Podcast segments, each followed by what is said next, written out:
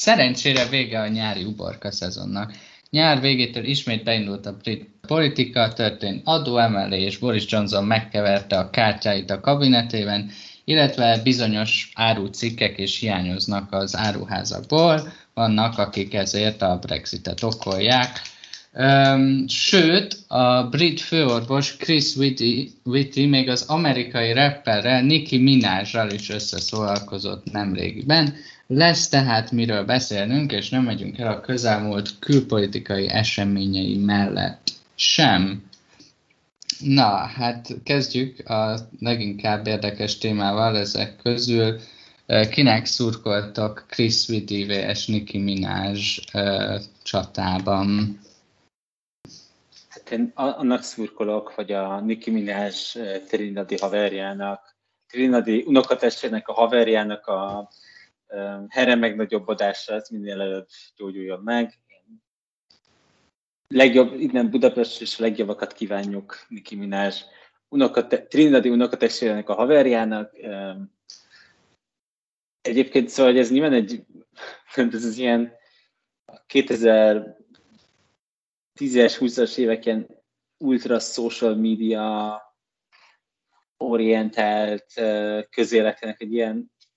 tehát, tehát, hogyha azt hiszük, hogy az, hogy Magyarországon tényleg cikkek születnek Tóth Gabiról,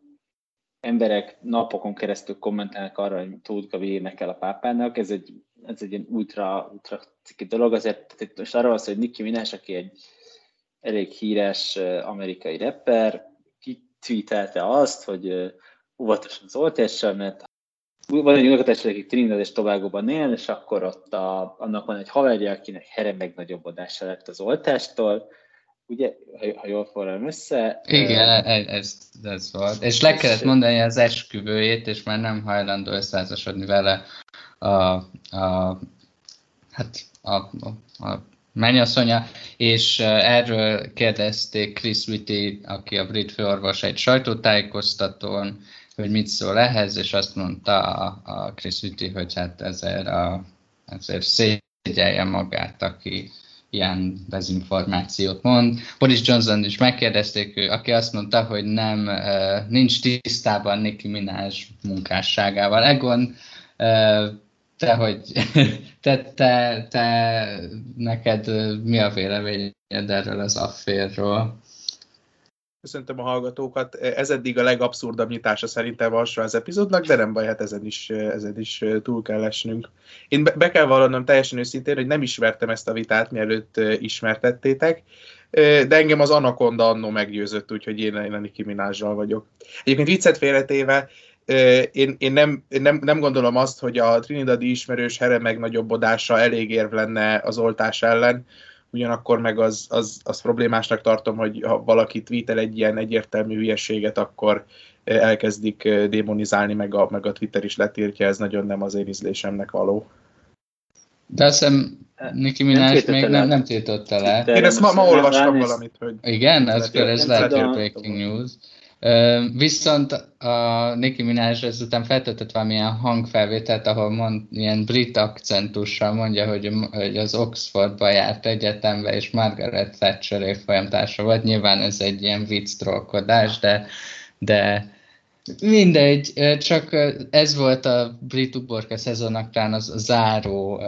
mozzanata, és gondoltam emlékezni. Tegyük hozzá, hogy ez úgy brit, hogy azért amerikai. Tehát Hát amerikai-brit koprodukció azért lett belőle brit, mert a brit főorvos mondta, hogy szégyelje magát, és erre a Nicki Minaj feltöltett egy ilyen abszurd videót. Na de... de azért ezt hozzátartozik, hogy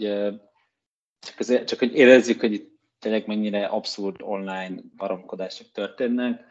hogy csak megnéztem, hogy ezt lehoztam, hogy nálunk nagyobb elérés a magyar média, és csak beírtam a 444.hu, amíg itt beszéltünk a keresőbe, hogy Nicki Minaj, és lehozta egy olyan cikkben, ami arról szól, hogy a Fehérház is reagált Nicki Minajra, tehát hogy azt hiszem még a Chris Whitty brit főorvosnál magasabb magasabb szintekre is elért ez a fantasztikus botrány. Nyilván egyetértek azzal, hogy mindenki oltassa be magát, ne hallgassatok Nicki Minaj kétes értékű sztoriaira. Én személyesen nem hiszem, hogy hallgatók kíváncsiak a beszámolót, hogy, hogy, hogy,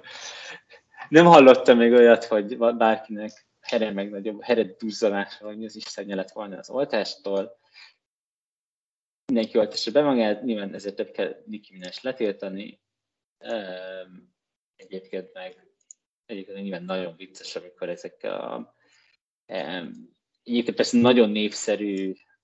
celebek, ezeket hirtelen elkerülnek a hírek érkelésre, és akkor hirtelen ilyen nem, nem azzal lesznek tényezők, hogy, hogy az Anaconda című számuk jó, ahogy ezt az Egon is említette, hanem, hanem azzal lesznek népszerű közéleti, vagy ilyen hírértékek, hogy mit tweetelnek olyan témákra, amik nyilvánvalóan nem értnek, mint a oltások mellékhatása. Egyébként én sem értek, szóval aki tényleg olvas olyan tweetet, hogy a nem tudom milyen haveromnak milyen mellékhatását, azt se kell komolyan venni. Minden esetre abban talán megegyezhetünk, hogy nem ez a legdurvább dolog, ami valaha Nicki Minaj száján kijött. Tehát e- ez viszont biztos. Jó, szerintem beszéljünk inkább az Anaconda után Ego másik kedvenc témájáról először az adóemelésről. Mi történt itt? Ugye bár az úgynevezett National Insurance-et, amiből mindenféle szociális járadékot finanszíroz a brit kormány, például a táppénzt vagy a nyugdíjjárulékot.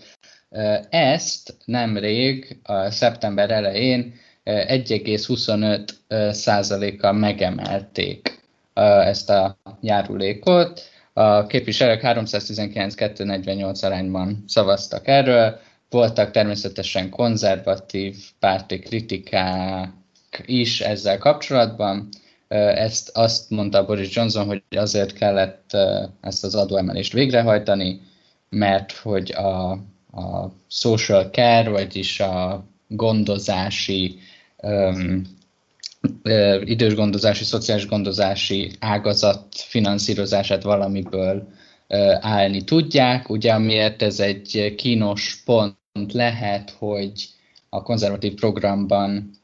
benne volt az, hogy nem, nem fogják semmiképp sem emelni ezt. Erre ugye Boris Johnson azt mondta, hogy hát igen, benne volt a programban, de hát a Covid válság nem volt benne a programunkban, úgyhogy ez elengedhetetlen. Egon, először, mivel tudom, hogy az adóemelés az abszolút, ez a két szó egymás után, hogy adóemelés, ez számodra mindig nagyon érdekeltséggel tölt el, és szenvedélyesen tudsz nyilatkozni ilyen kérdésekben. Tulajdonképpen mit, mit jelent ez a, ez a fajta adóemelés, hogy fog, mit jelent ez a brit adórendszer szempontjából mondjuk több országhoz viszonyítva, miért jelentős ez, vagy nem jelentős ez? Jó, akkor megpróbálom higgadtan összefoglalni ezeket a dolgokat. Egyfelől mire kell a pénz, és már Ábel szépen felvezette, egyfelől a szociális ellátórendszer bővítésére, illetve a közegészségügyi rendszernek a finanszírozására. Ebből hozzá kell tenni, hogy mindenki az előbbit szokta nagyobb hangsúlyal emlegetni, ellenben a nagyobb tételt ténylegesen az egészségügyi finanszírozásra szánták. 36 milliárd plusz kiadásként fog ez megjelenni a következő három évben, ebből nagyjából 20, 20 milliárd megy majd az, az egészségügybe, tehát mindenképpen ez a nagyobb tétel. Kicsit távolabbról, ha kezdjük, mikor egy kormányzat szeretne költeni valamire, alapvetően három lehetőség áll előtte. Az egyik a legkedvezőbb, vagy én úgy gondolom, hogy ez a legkedvezőbb, az a költségvetési átcsoportosítás. Végignézzük a költségvetési tételeket, és megnézzük, hogy hol tudjuk a dolgot megvágni, hol van pazarlás, és hasonló. Ez nyilván egy melós dolog, mind időt, mind energiát igényel, meg politikailag nehéz, hiszen valaki ebből óhatatlanul veszít. Nem ez a helyzet. A második opció, és most úgy mondom, amilyen sorrendben szerintem ez kívánatos, a második opció az a pluszadó kivetése és elköltése. Ezt ismerjük, ez a jó öreg tax and spend, így, így mondja a művelt brit itt erről van szó, és végezetül le, lehetne rosszabb, tehát van egy, egy legrosszabb opció, mikor az adósság terhére finanszírozunk folyó kiadást, ezt talán nem érdemes kifejteni, hogy ezzel, ezzel mi a probléma, hitelből folyókiadást finanszírozni, ez nem egy fenntartható modell. Tehát nem a legjobb, ellenben nem is a legrosszabb módszert választották Boris Johnsonék. Ha úgy tetszik, ez egy implicit dicséret, de itt a dicséretek nagyjából véget is ér. Ugye Ábel említett, hogy a TB járulékot emelik meg 1,25 százalék ponttal. Ez Magyarországon a nyugdíjt meg az egészségügyi járulékot egybecsapjuk, akkor ez 17 százalék. Legjobb tudomásom szerint, amit a bruttó bére számolnak ki. Hogy ez rögtön jövedelmet generáljanak költségvetésnek, először megemelik ugyanúgy a járulékokat odakint, és 2023-tól egy újabb eh, járulék váltja ezt a dolgot ki tehát ez egy átmeneti megoldás. Emellett szintén fontos, hogy az osztalékadót is megemelik, tehát a tőkét terhelő adókra is újabb, újabb terhek fognak nehezedni. Miután kell ezt fizetni, ezt minden jövedelem, illetve munkabér után fizetni kell. A javaslat az évi kb. 12 milliárd plusz bevételt fog hozni, ez három év alatt ugye 36 milliárd, hogy érzékeljük a nagyságrendet, a brit költségvetés az körülbelül 850 milliárd forint, ennyi a főösszeg, 850 milliárd font, nagyságrendileg azt jelenti, hogy olyan, mintha itthon egy olyan 250 milliárdos adóemelés, 250 milliárd forintos adóemelés történne, ami már egy jelentős tétel, ez nagyságrendileg annyi, mint például 25 éven alatti a SZIA mentessége, most ez egy hot topic volt itthon. Na, problémák. Elég nehezen megérvelhető, hogy egy kilábalás során, ami jelenleg egy gyengelkedő kilábalás úgy tűnik, az előzetes várakozások nem feltétlenül teljesülnek, a kormány az elkezd adót emelni. Ez, ez önmagában kritizálnánk, tulajdonképpen bárki csinálja. Ellenben a helyzet súlyosabb, ugyanis a torik csinálják, és ezt Ábel szintén említette. A 2019-es választási programban a konzervatívok egyértelműen megfogalmazták, hogy sem a személyjövedelemadó, sem a forgalmi adók értsük ez alatt az áfát, sem pedig a munkajárulékok nem fognak változni, tehát ez egyértelmű megszegése a, a választási ígéreteknek. Ez úgy egy sorba illeszkedik, korábban voltak már bejelentések adóemeléssel kapcsolatban. Egyfelől megemelték a vállalati nyerességadót, pontosabban elő van irányozva a nyerességadó megemelése, illetve befagyasztották az SZIA küszöböket, ami szintén egy implicit adóemelés, nem, fog a, nem fognak az SZIA küszöbök növekedni az elkövetkezendő évben, tehát emberek belecsúsznak magasabb kulcsokba. Tehát ez egy sorba illeszkedik bele, nem pedig egy önálló stabilizáció, ami feltétlenül szükséges. Ugye jövedelmeket terhel, meg munkabéreket terhel, tehát ezt fizetik azok is, akik a legszegényebbek és dolgoznak, fiatalok és dolgoznak, és valami olyasmire költik el, amit nagy részt az idősebbek vesznek igénybe, például egészségügyi szolgáltatások, szociális ellátás, tehát ezt sokan kritizálják úgy, mint egy generáció közti, közti transfert ami plusz terheket rak a legfiatalabbaknak a munkabérére. Én itt élnék is egy javaslattal, hogy mit kellene inkább csinálni. Itt már felírtam magamnak, capslockot benyomtam, hogy ha már adóemelés, amivel én nem értek egyet, szerintem át kéne csoportosítani a költségvetésből, de ha már adóemelés, akkor el lehetett volna gondolkodni azon, hogy a fogyasztás terhelő adókat emeljük meg, konkrétan az áfát, ami európai vagy fejlett gazdasági kontextusban nem kimondottan magas, a maga 20%-ával. Az áfa megemelésének nagy előnye, hogy hogy fogyasztás arányosan fizetik, tehát aki többet fogyaszt, mondjuk tehetősebb, gazdagabb, stb., az több áfát fizet, ellenben nem piasztorzító, tehát minden egyes terméket ugyanannyi áfa terhel, most az ilyen kivételeket, alapvető élelmiszerek, meg hasonló, azt, azt, azt hagyjuk.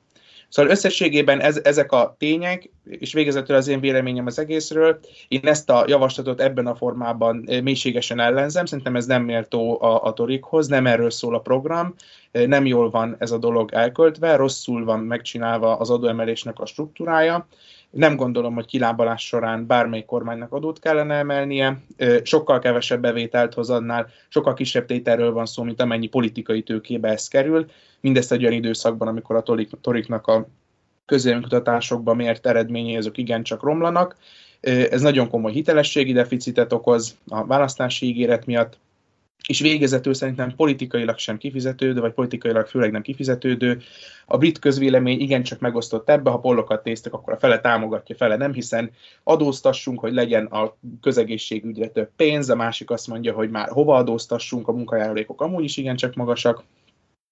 Én az utóbbi évek tendenciája az, és ez nem biztos, hogy jó, vagy, vagy, vagy, vagy, vagy helyén való, de azok a, azok a politikusok, akik megpróbálnak konszenzus teremteni, ahelyett, hogy a saját bázisuknak játszanának, akik igenis az alacsony adókat, saját tulajdont, kisebb állami újraosztást kereső konzervatív törzs, törzsbázis, meg törzsközönség, azokat a választásokon meg szokták büntetni, itt a Torik egy olyan konszenzus kereső, kicsit balosabb politikát akarnak folytatni, ami szerintem politikailag nem lesz kifizetődő, és, és az én ízlésemtől is mérhetetlenül távol áll. Iván, akinek az ízlésétől még ö, szintén távol áll ez az adóemelés, az, ez ugye a munkáspárt, aki szintén problematizálta ezt, illetve a munkáspártnak a Corbyn alatt erős szimpatizánsai, tehát az angol új, a brit újban is problematizálta ezt a fajta adóemelést. Nekik tulajdonképpen, meg a baloldalnak, Labournek úgy általában mi a problémájuk ezzel, hiszen ők, épp, hiszen ők elvileg azt mondják, hogy az állam igenis kölcsön arra a, a szociális szektorra, és ilyen kiadásokkal, akár adó emelés formájában. Ők, az ő problémájuk mi ezzel az adóemeléssel? Igen, teszem azért alapvetően azt kell látni, hiszen baloldali programokban, akár most gondoltunk Jeremy Corbyn 2017-es és 2019-es kormányprogramjára, egyébként adott esetben gondolhatunk a Keir Starmer munkáspárton belüli választási programjára is, ami azért erősen épített erre a 2017-es program, ugye alapvetően az a, most nagyon-nagyon persze le, sarkítva és leegyszerűsítve, hogy az az ötlet, hogy a, ez az elképzelés, hogy a, az esetlegesen meg, meg, megemelkedő ö, állami kiadásokat és szociális kiadásokat, azt a, főleg a magasabb jövedelműek magasabb adókulcsával, vagy esetleg a társasági adó, vagy ö, összevetett valamilyen fajta tőkeadóztatás megemelésével fogják finanszírozni. Ez egyébként alapvetően, ha megnéztük a magyar előválasztási kb. egyébként hasonlóan gondolkodnak Magyarországon. Így Magyarország egyébként inkább az adó, hát ahogy ezt teszem, ugye alapvetően van egy-két különbség, ugye lehet azt mondani, hogy rosszul osztanak az adóterhek, ez mondjuk a magyar ellenzéknek egy kritikája, és mostában egész hangsúlyosan megjelenik, tehát hogy ezt karácsonyra fogalmazták, hogy nem többet adóztat, hanem máshogy adóztat, újra osztja az adók, az azt jelenti, hogy nem a költségvetés bevételi oldalát szeretné megemelni, hanem azt szeretné, hogy ebben mondjuk bizonyos csoportok kevesebb személyi jövedelemadót fizessenek, más csoportok több személyi jövedelemadót fizessenek, nőjön mondjuk a társasági adó, stb. A munkáspárt nem ezt mondja, a munkáspárt azt mondja, hogy mondjuk ahhoz, hogy nőjenek az egészségügyi vagy szociális kiadások, az több, ö, több bevételhez kell jutni az államnak, de ezt a bevételt ezt úgy kell elérni, hogy mondjuk a társasági adót növeljük, a legmagasabb adó, adókulcsokhoz kapcsolódó adókulcsokat emeljük, stb. Ugye a National Insurance ez nem egy ilyen adó, a National Insurance-nek nagy ilyen tulajdonsága, hogy ez egy kifejezetten regresszív adó, tehát egy bizonyos szint, tehát egy bizonyos jövedelmi szint fölött egyre csökken az effekt, úgynevezett effektív adókulcs, tehát hát Magyarországon egy lassan, nem azt most már több mint tíz éve nincs több kulcsos adórendszer, de ez úgy működik, hogy a több kulcsos adórendszerben a, mondjuk az első adókulcs van mondjuk 200 ezer forintig, és akkor az alapján fizet x százalékot, és akkor a 200 mondok valamit 400 ezer forintig fizet y százalékot, és ez úgy fog kinézni, hogy ez, a, ez alapján összejön úgynevezett effektív adókulcs, tehát mondjuk az első kulcs az, mondjuk keresel 300 ezer forintot, most nem fogom kiszámolni, de hogy akkor mondjuk az első adókus 10%, a második az egyszerűség kedvéért 20, és te 300 ezer forintot keresel, akkor a, akkor te a jövedelmennek tizenvalahány százaléket fogod befizetni, ezt a hallgatókra bízzuk, hogy oldják meg a matek példát, annyira nem nehéz. Itt ez fordítva van, tehát az effektív adókus csökken, amikor ahogy csökken, a, ahogy egyre nő a fizetésed, mert egy bizonyos limit fölött, ami most 50 ezer font évente csökken a, National Insurance értéke, és ezeket annyira igaz, hogyha megnézed egy ilyen, nézegettem ilyen kalkulátor alkalmazással, hogy hogyan hívja fel a National Insurance-nek a mértéke, és, és, és, ezek is azt hozzák ki, hogy minél alacsonyabb összét be, akkor nyilván az effektív adókulcs az, az egyre magasabb, tehát annál nagyobb arányát kell a fizetésednek befizetni adóformájában.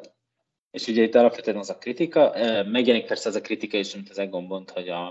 a, fiat, a fiataloknak kell fizetni azért, hogy az idősebbek szociális ellátásai jobbak legyenek, de még az a kritika is, hogy ez elsősorban a viszonylag alacsony jövedelmeket jobban sújtó adóemelés, és hogy ezzel szemben egy valamilyen inkább a magasabb jövedelmeket érintő adóemelést kellene bevezetni a kormány. Nyilván persze ezek, akik ezeket a kritériát megfelelően, azért nem szerették azt, hogy konzervatív kormány, vagy általában sem, tehát eleve nem örül, örülnének annak, hogy nem a konzervatív kormány vezetne be bármilyen, bármilyen költségvetési intézkedésre egy másik kormány, de alapvetően ez a, ez a kritikának a lényege a munkáspárt baloldáról, és a, egyébként ezt hozzá kell hogy maga a munkáspárt egy olyan nem támogatta ezt, ez nyilvánvalóan az Ábel által idézett parlamenti szavazás számaiban is a munkáspárt ellene szavazott, de ők azért sokkal óvatosabban fogalmazzák meg a kritikát, és nem igazán,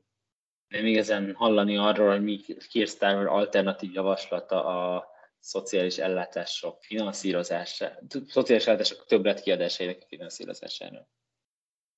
Gyakorlatilag ezzel kapcsolatban van egy következő kérdésem. Ez ráéghet valamennyire a konzervatívokra? Ez mégis mindkettőtöknek vonatkozik ez a kérdés, vagy, vagy itt tulajdonképpen azokat az embereket mérgesítette el, akik tulajdonképpen már úgyse szavaztak volna rájuk eddig se, vagy itt tényleg az lehet, hogy itt komoly érdeksérelem van, és akár csalódás lehet, és másra szavaznak emiatt. Akkor, akkor kezdem én, hogy körbe menjünk. Még, még annyit az előző kört mindenképpen ki kell egészítenem, hogy hogy az úgy abban a formában nem igaz, nem mintha ezt mondtad volna Iván, hogy tőkét terhelő adókat nem emelnek meg, ugye erről is beszéltünk, hogy visszaemelik a társasági adót, ami nem egy direkte tőkét terhelő adó, de balosok azért nagyjából elégedettek szoktak vele lenni. Szerintem a legszörnyűbb adó, ami valaha létezik, és nem azért, ami miatt gondoljátok, hogy ezt mondom, de a társasági adónak nullának kéne lenni, ezt mondtam, majd egyszer kifejtem, ha beszélünk róla. Ugyanakkor meg itt nem tudom, hogy elmondtam-e a bevezetőben, most nem emlékszem rá, de ugyanakkor van egy ugyanúgy 1,25 százalékponttal megemelik az osztalékot terhelő adókat is, ami pedig szintén egy tőkét terhelő adó, tehát van itt egy kis baloskodás a konzervatívok részéről, ami egy, egy, egy balos kritika tényleg, és két dolog. Az egyik, hogy többen azt emelték ki, hogy miért nem személyjövedelemadót emelnek, ami szerintem sajnos progresszív, de hát mégiscsak valahogy eloszta a terheket a magasabb jövedelműek többet fizetnek, illetve páran bedobták itt a vagyonadónak az ötletét, miért kéne fiatalaknak a munkáját terhelő járulékokból finanszírozni az idősebb lakástulajdonosoknak a,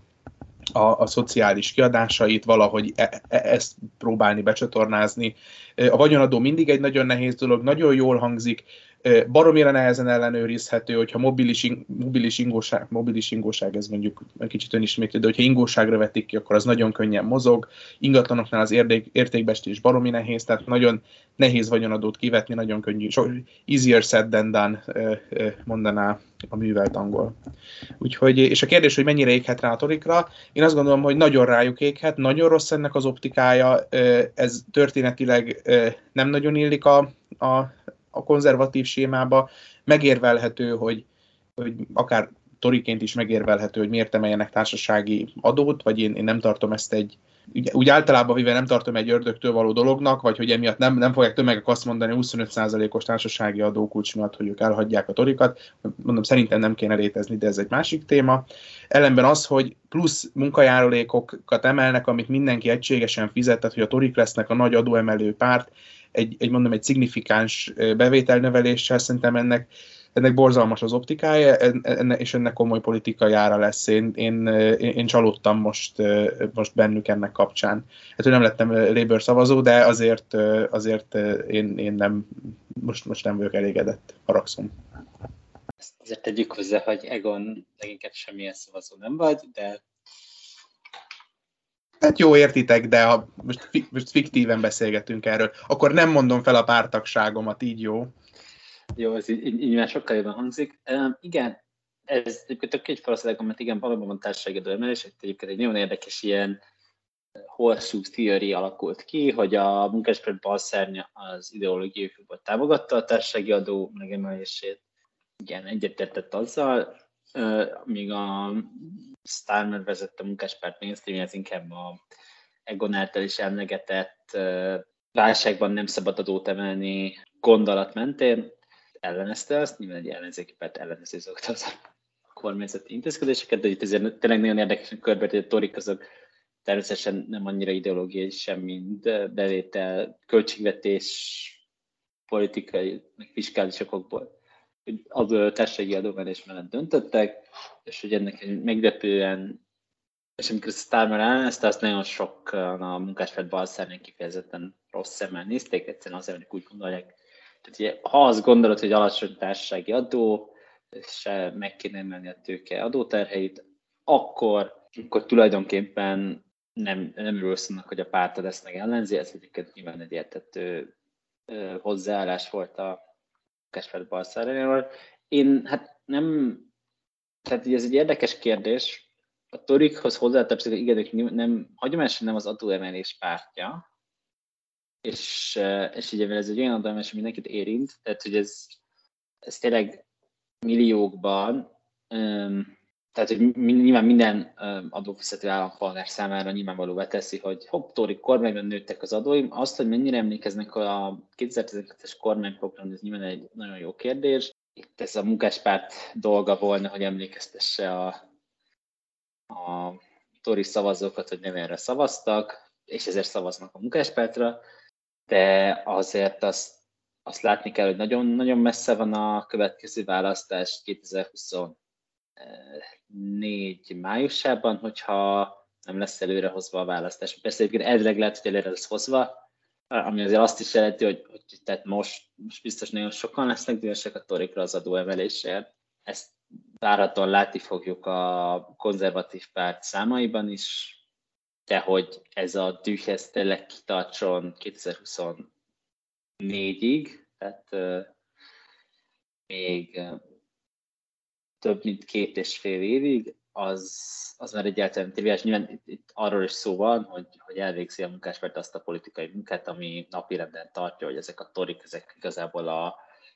e, népsarcoló National Insurance emeléseknek a pártja, mert hogyha ezt egy ilyen retorikát felszínen tartani, akkor lehet, hogy két és fél most mindenki kezd ütni. Ha azt nem tudják felszínen tartani, akkor, akkor lehet, hogy mindenki el is felejt, és hozzászokik ahhoz, hogy már nem 12, hanem 14,5 százalékot fizet National Insurance-ként, mert hogy azért ez, ez nyilván egy idő után nyilván hozzáigaztik a bére, tehát is többet fog hazavinni azért két és fél év alatt, és, és, és el is felejti, hogy volt egy ilyen, vagy ha nem is felejti el, de sok más politikai inger éri, ami szintén hatással van a politikai preferenciáira. Szerintem akkor mehetünk is tovább. Bizonyos élelmiszer cikkek, vagy árucikkek hiánya lépett fel az Egyesült Királyságban. Mi, ugye itt mindenféle lehet Twitteren is látni képeket, meg hát a, nem csak a social médián, hanem brit médiában is láthatóak ilyen képek, hogy üres standok állnak szupermarketekben. Ezt egyébként személyes anekdotával meg tudom erősíteni két héttel ezelőtt, vagy másfél héttel ezelőtt volt, hogy bementem a Lidlbe, és mondjuk a tésztás sor az konkrétan teljesen üres volt. Tehát láthatóan nem az volt ott, hogy hogy most éppen kifogyott, hanem egy ilyen egész, tehát konkrétan semmifajta tészta nem volt vehető. Itt ugye azt problematizálják sokan, hogy a Brexit, vagy és leginkább a Brexitnek a jelenlegi kivitelezése kisé felborította az ilyen supply chain, vagyis az ellátási láncokat. Ugye mik itt a pro- problémák, teherautó és kamionsofőr hiány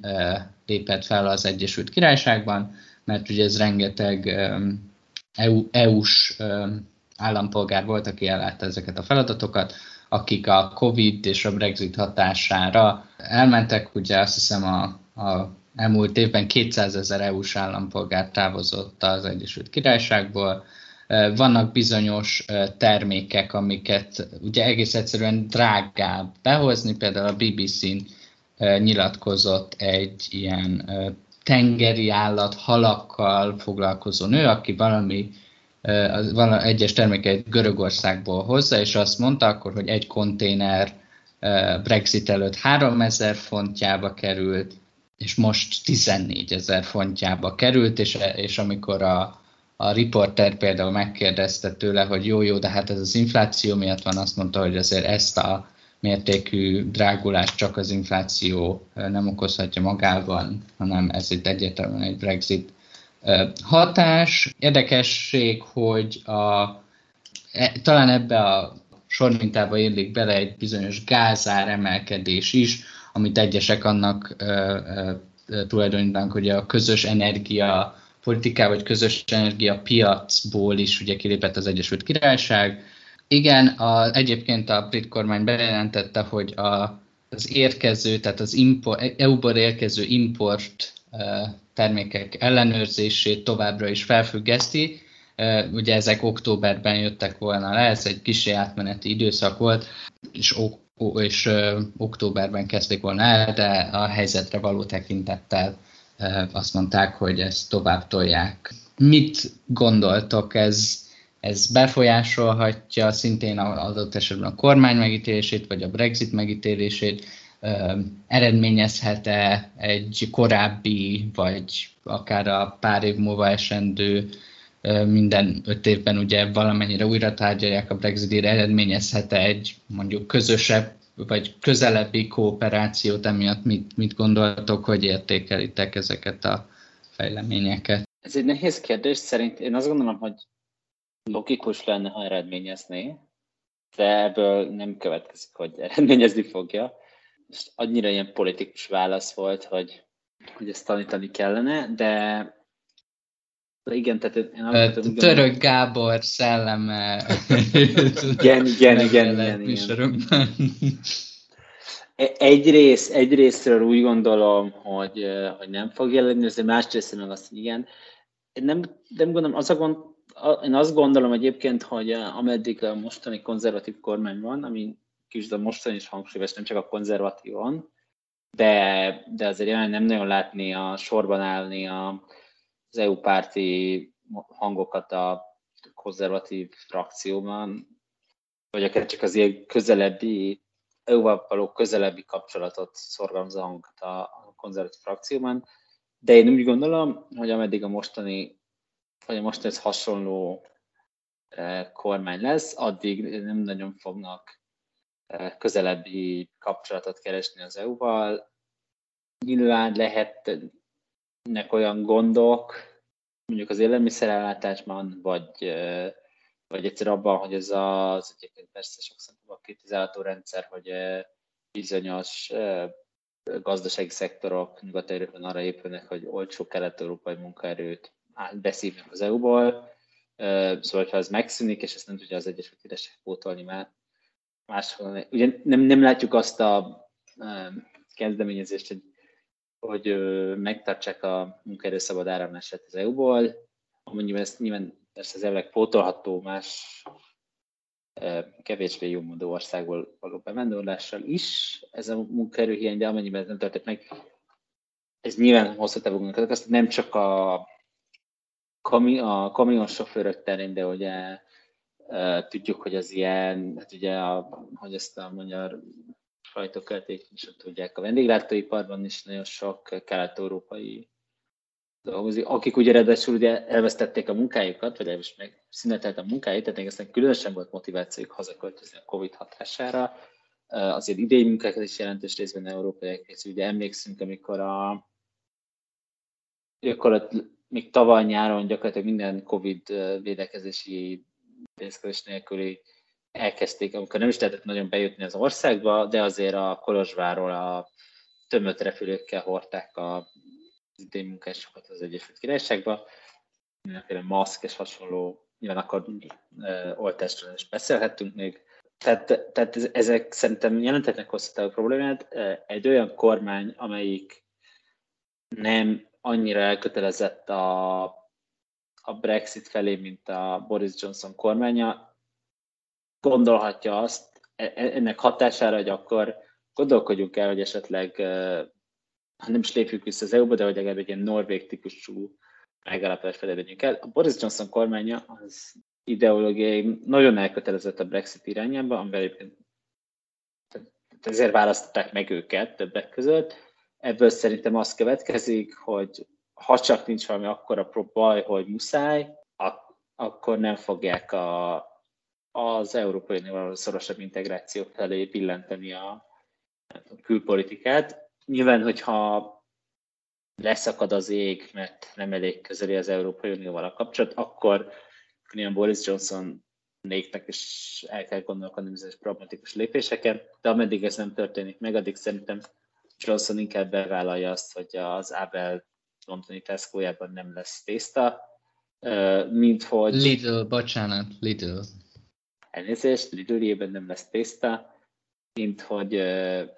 azt a politikai veszteséget vállalják, hogy gyakorlatilag visszafordítják egy kicsit a Brexit. Nem is teljesen, tehát nem léptek vissza az EU, de hogy ez a hard Brexitet egy kicsit megpuhítják abban a tésztelében, amit az Ábel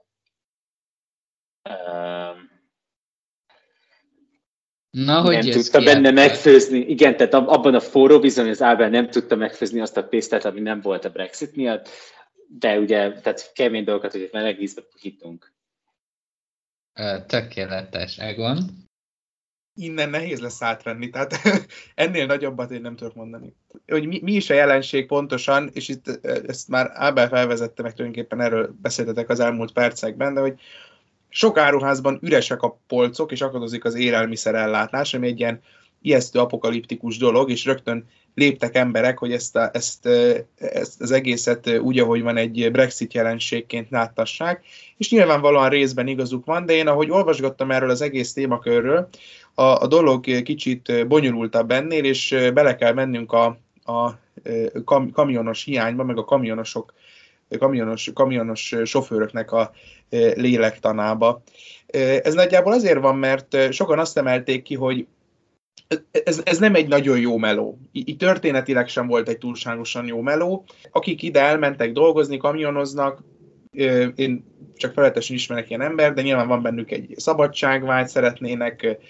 világot látni, és ezért bevállalják, hogy nem ők keresnek nyilván a, a világon a legjobban. Nagyon sok bunkó, rossz indulatú emberrel kell találkozniuk a utazásaik során,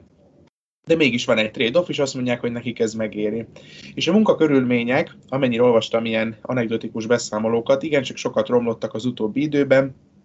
nagyon nagy a túlhajtás,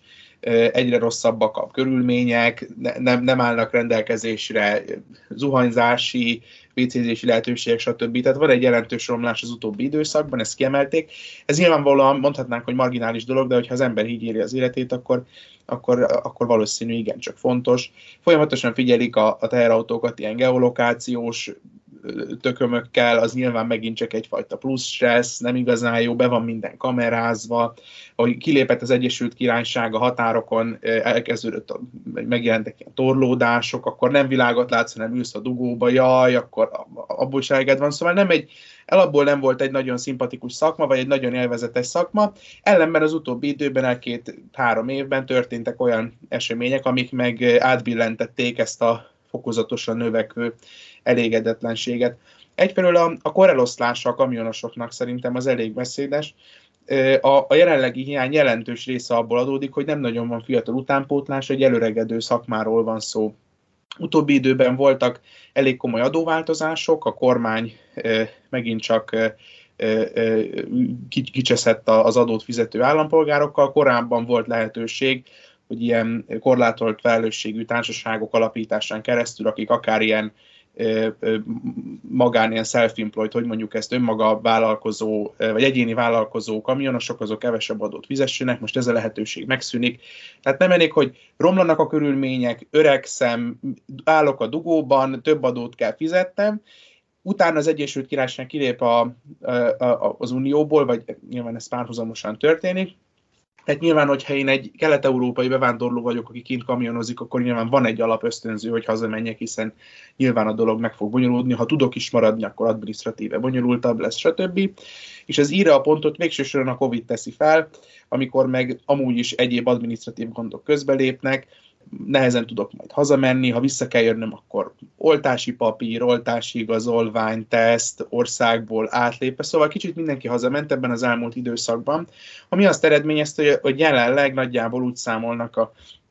különféle kamarák az Egyesült Királyságban, hogy van egy ilyen százezer főnyi kamionos hiány. Hát az baromi sok, az, az, az, az így intuitíve is nagyon sok. Mit lehet tenni? Egyfelől reménykedünk abból, hogy a Covid elmúlik, és valamennyire a helyzet normalizálódik. Ugye az egyik variáció, hogy kivárunk, ami azt jelenti, hogy az árak alkalmazkodni fognak, értelemszerűen több pénzért majd több ember megy el kamionosnak, és akkor majd az élelmiszerek is többe fognak kerülni, és, és lesz egy, egy, egy élelmiszerár infláció, de hát mondhatjuk, hogy megváltozott körülmények.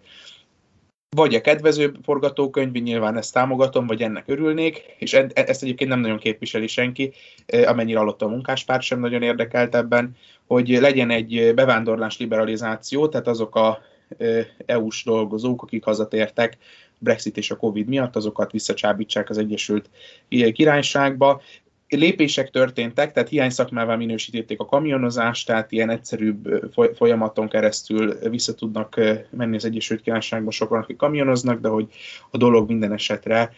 folyamatban van, és az átmeneti problémákon ez, ez kevéssé segít. Szóval több bevándorlás, bevándorlás liberalizáció.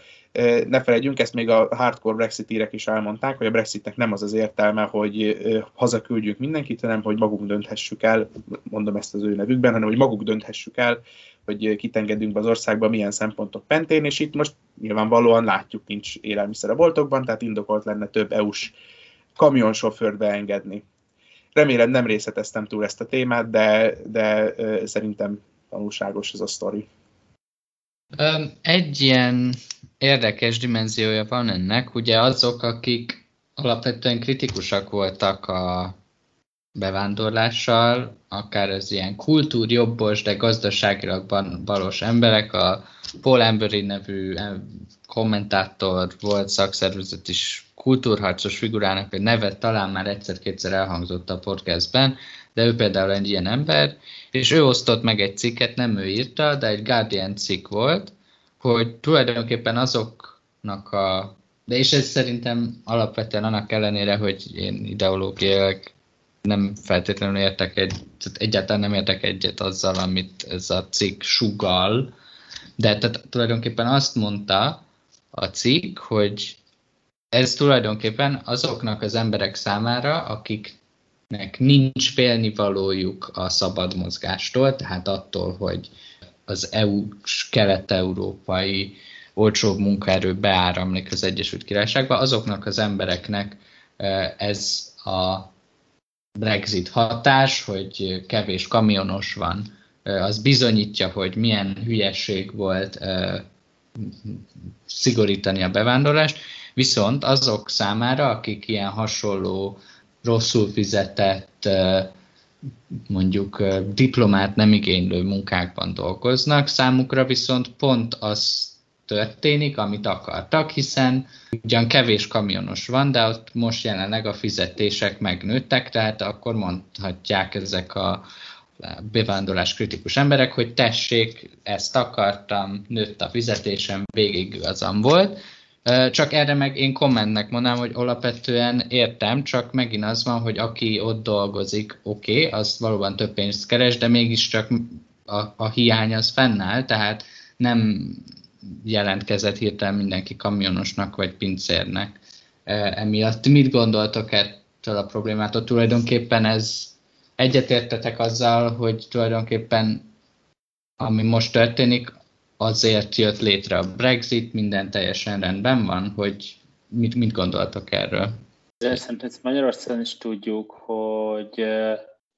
emelkednek a bérek egy munkaerőhiányos helyzetben, ami nyilván annak, akinek emelkedik a bére, hogy Magyarországon is lehetett hallani, nem tudom, há, nettó 300 ezeres lidülös árupakoló bérekről, meg ennél magasabb lidülös árupakoló bérekről, ez nyilván a Lidl-os árupakolók nagyon jó, és, eh, és én abszolút egy, tökre örülök, hogy nyilván egy baloldali érvekről örülök, hogy emberek jobban kerestek, de azért alapvetően, hogyha nincs elég árupakoló, aki pakolja az árut, az, az, az nem biztos, hogy jó a, annak, hogy eh, például londoni lidőjében kellő mennyiségű spagettihez juthasson az a, a jó nép. És ez egy kicsit így, hogy persze az, az, az tehát, hogy tehát, tehát azért akik amellett érveltek, hogy a Brexit illetve a bevándorlás az rossz a, a béletek. Ők nem azt mondták, hogy azért rossz a béletek, mert elöntik a munkaerőt, tehát egy kicsit de, de azt mondták, hogy azért, mert olyan emberek jönnek ide, most nagyon sarkítva ezt az akik tehát gyakorlatilag egy lengyel származású kamionos, ezt mondjuk most mondtak valamit hasba, 10 fontos órabérel és elvállalja azt, amit egy brit kamionos csak 15 fontos órabérért vállalna el, és ezért veszik fel a lengyel kamionos. Nem azt mondták, hogy azért, mert idén, mert hogy gyakorlatilag túl kínálat van kamionosból, ez most ilyen biztosan hülyén és közgözleszó hangzik, hanem az, hogy egyszer csak elérhettek olcsóbb erők. Ez egy nagyon régi, hát baloldali, ez talán egy húzás, de hogy egy ilyen tehát mert Marx is foglalkozott ezzel a kritikájával a bevándorlásnak, tehát ez egy ennyire régi, egyébként Marx nem értett, ha jól tudom ezzel egyet, de tehát ez már a 12 es megjelent, hogy jönnek a írek ebben akkor, és, és elvállalják olcsón azt, amit a jó angol melós, az csak picit drágább, és ez milyen rossz. A, a, a B, az, az meg nyilván az, hogy azért nem arról volt szó, hogy azért lesznek magasabbak a bérek, mert kiderül, hogy összesen Angliában van a szükséges nem tudom hánynál kevesebb kamionos, és azok annyit kérnek, amennyit nem, nem szégyelnek, mert hogy egyszerűen tülekednek értük a, a fuvarozó cégek, nem arra volt. Tehát ez, ez nyilván, nyilván nem erről. Szerintem a, ha komolyan veszük ezeknek a bevándorlás kritikus brexitereknek az szállításait, tehát nem felejtezzük azt, hogy csak racionalizálták az ellenérzéseiket a nem brit származású emberekkel szemben. Szerintem még, még akkor, akkor sem arról beszéltek, hogy jaj, de jó munkaerőhiányt csinálunk mesterségesen, ez jó lesz a béreknek, hanem, hanem azt gondolták, hogy, hogy azzal, hogy kb. megszűnik az olcsó alternatívája a brit, brit munkavállalók, az, az a brit munkavállalók jól járnak, mert akkor nem kell versenyezniük az olcsóbb uh, munkásokkal. Aztán persze egyébként nyilván lehet, hogy ez a nemzetközi kamionozásunk persze abszolút nem, nem tudom, mennyire működik így, hiszen ott ugye elvileg a francia oldalon is fel lehet bérelni a kamionos, de, de nyilván, nyilván nem lenne igazságos azzal vádolni a brexitereket, hogy ők igazából direkt a munkaerőhiányra játszottak, mert, ez, bár ez, persze lehet, hogy vannak olyan brexiterek, akik direkt a munkaerőhiányra játszottak, szerintem Dominic Cummings-ban simán kinézem, hogy ez volt nála a mesterterv része, de hogy de, de, de nem, nem gondolom, hogy igazságos lenne intellektuálisan azt mondani, hogy hát igazából itt most a Brexit történik meg a munkaerő hiányjal, már hogy az, amit ők a Brexit Brexit-két elképzeltek történik meg a munkaerő hiányjal. Én, én azt gondolom, hogy amíg felmerültek Brexiter kritikák bevándorlással kapcsolatban, azoknak sokkal inkább volt egy, egy kulturális dimenziója, mint egy gazdasági dimenziója.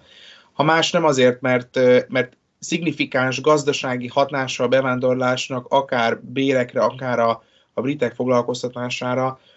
nem mutatható ki. Ez elég kontraintuitív, ezzel foglalkoztak közgazdászok, ajánlom mindenkinek a Esther Duflo meg a Banerjee könyvét, Good Economics for Hard Times, ez a címe, ők foglalkoztak ezzel, bevándorlás hatásra, bérekre, foglalkoztatásra. Nehezen megérvelhető, ez egy bonyolult mechanizmus, hogy miért nem, most nem is mennék ebbe feltétlenül bele,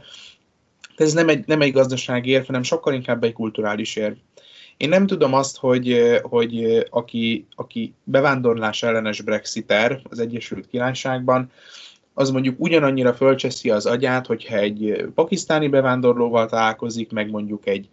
romániai bevándorlóval találkozik. Hogy van-e ennek egy ilyen egy ilyen kulturális dimenziója, vagy hogy minél távolabb esik az adott kultúra, annál jobban triggerelődnek a bevándorlás ellenesek. Én ezt nem tudom megmondani innen, lehet, hogy nektek több tapasztalatotok van, vagy ismertek ilyen attitűdkutatásokat.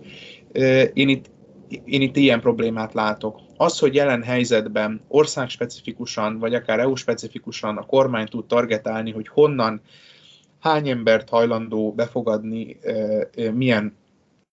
foglalkozásnak a betöltésére, ez alapvetően egy jó dolog, és ezzel jelen helyzetben élni is kellene. Ami a parlamentben elhangzik, az az, az hogy oké, felismertük a problémát, előregedő szakma, sokan ott hagyják amúgy is,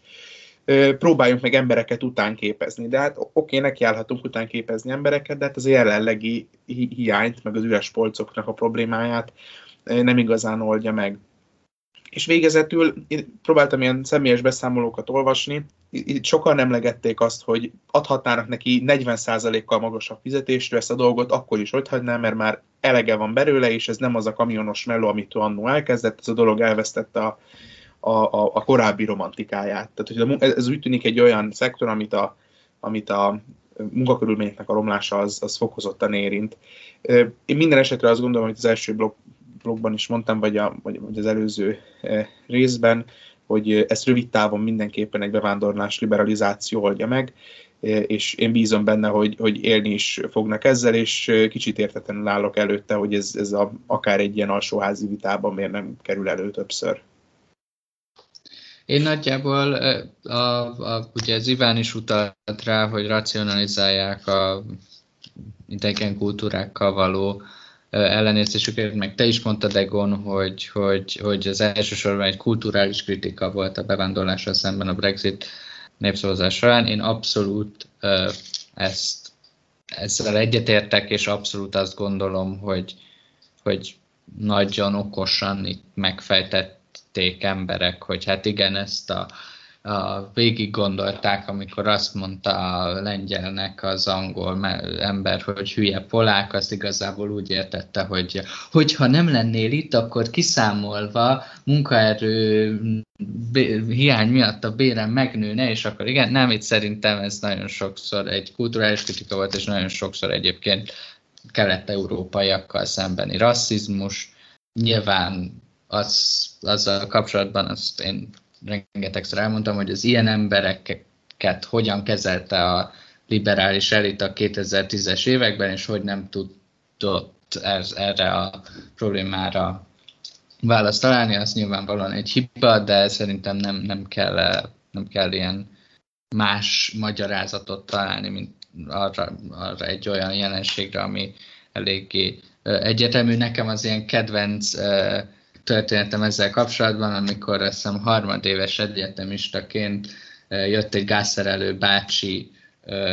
a lakásomba, és az akcentusom alapján nem tudta, hogy, hogy kelet-európai vagyok, de megkérdezte, hogy, hon, hogy melyik, honnan jövök, és akkor mondtam, hogy Magyarországról, és akkor meglepődött, hogy ja, hát azt hitte, hogy izé angol vagyok, de milyen jó, hogy hogy Magyarországról jövök, mert ott nem szeretik a migránsokat, és ő se szereti a migránsokat, tehát milyen jó, hogy ezért én itt vagyok. A, igen, ez, ez, utána egy kicsit ilyen kínos volt ez a gázszerelés felügyelés, de, de vicces történet. Elnézést, itt van egy nyilvánvaló poén, hogy ez az a gázszerelő volt? Ja, nem, nem, nem, nem, ez egy, ez egy bajuszos észak-angol bácsi volt, de... Lawrence jó, Butcher. jó, uh, még egy dimenzió. Ennek azért, ennek azért ez a, van egy, bocsánat, meg az tényleg azért vársz, hogy én amikor kinéltem Angliában, ugye én nem éltem Észak-Angliában, én Cambridge-ben éltem, és Londonban, és ott azért tényleg az volt a benyomás, hogy a takarítónő, izé, román, nem tudom, azt hiszem, lengyel, tök mindegy, tehát a, főleg tényleg ezek az ilyen, nekem Londonban a főbérlőm is lengyel volt, és a, a különféle network, általában az ő ilyen social networkén keresztül leszervezett emberekkel, ahogy Magyarország, van egy ismerősöm, aki nagyon jó gázszerelő, kihívom azt, emiatt nyilván nem volt reprezentatív, hogy ezek jellemzően szintén lengyel emberek voltak, de hogy ez tényleg így vagy bevész, nem tudom, hát most, most, most talán már egy kicsit kérdezni, hogy most is bevészheted egy szabadon veszett étterembe kocsmában Londonban, ott azért valószínűleg fogsz találni egy lengyel-magyar, mit tudom én, nemzetiségű eladót, vagy mint kocsmáros, hogy az Isten egy kocsmában, és, és, ez, és, és ez tényleg ugye, tehát hogy nyilván beszéltük kizárólag a kamionosokról, és egyébként van egy tök hasonló jelenség, ezt én magyar, magyar én magyar, nem tudom, vendéglátások, vendéglátások szóló újságcím és hasonlóan lehetett erről olvasni. Ugye a covid miatt egy csomó ember, ugye Angliában ezek a furlough benne tudtak maradni a rendszerben, és Magyar, Magyarország egy csomó vendéglátás volt kénytelen másik melót keresni, és közben rájöttek, hogy igazából az is egy tök jó meló, meg hogy a vendéglátásnak azért van egy csomó ilyen hátránya, hogy nincsenek szabad estéid, nincsenek szabad hétvégéid, nem tudom, hajnali kettőre esel haza, stb. És egy csomó ember, aki korábban vendéglátással foglalkozott, hogy ez, ez most egy magyar példa, de azt gondolom ez más országban is hasonlóan történt, tehát rájöttek, hogy igazából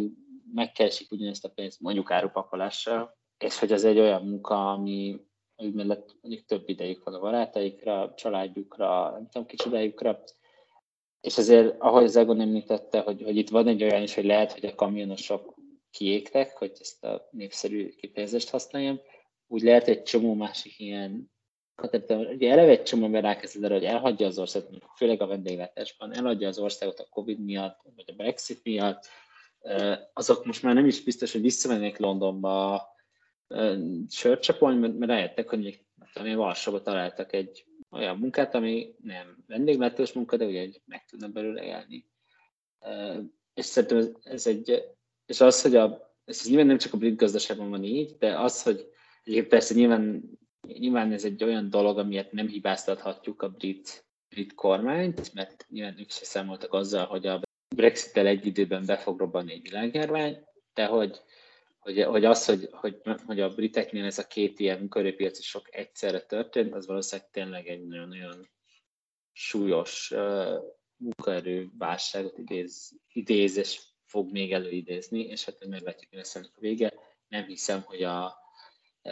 second referendum. Jó, ebből a blogból már csak egy mini aspektus. Ugye azt említettem a bevezetőben, hogy a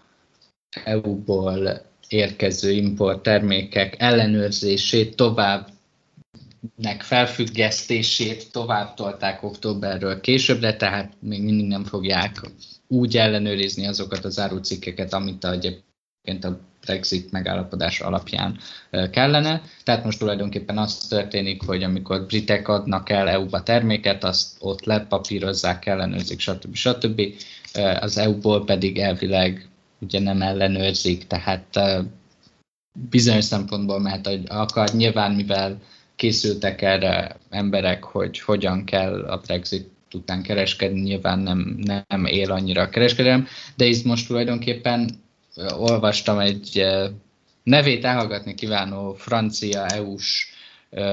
ilyen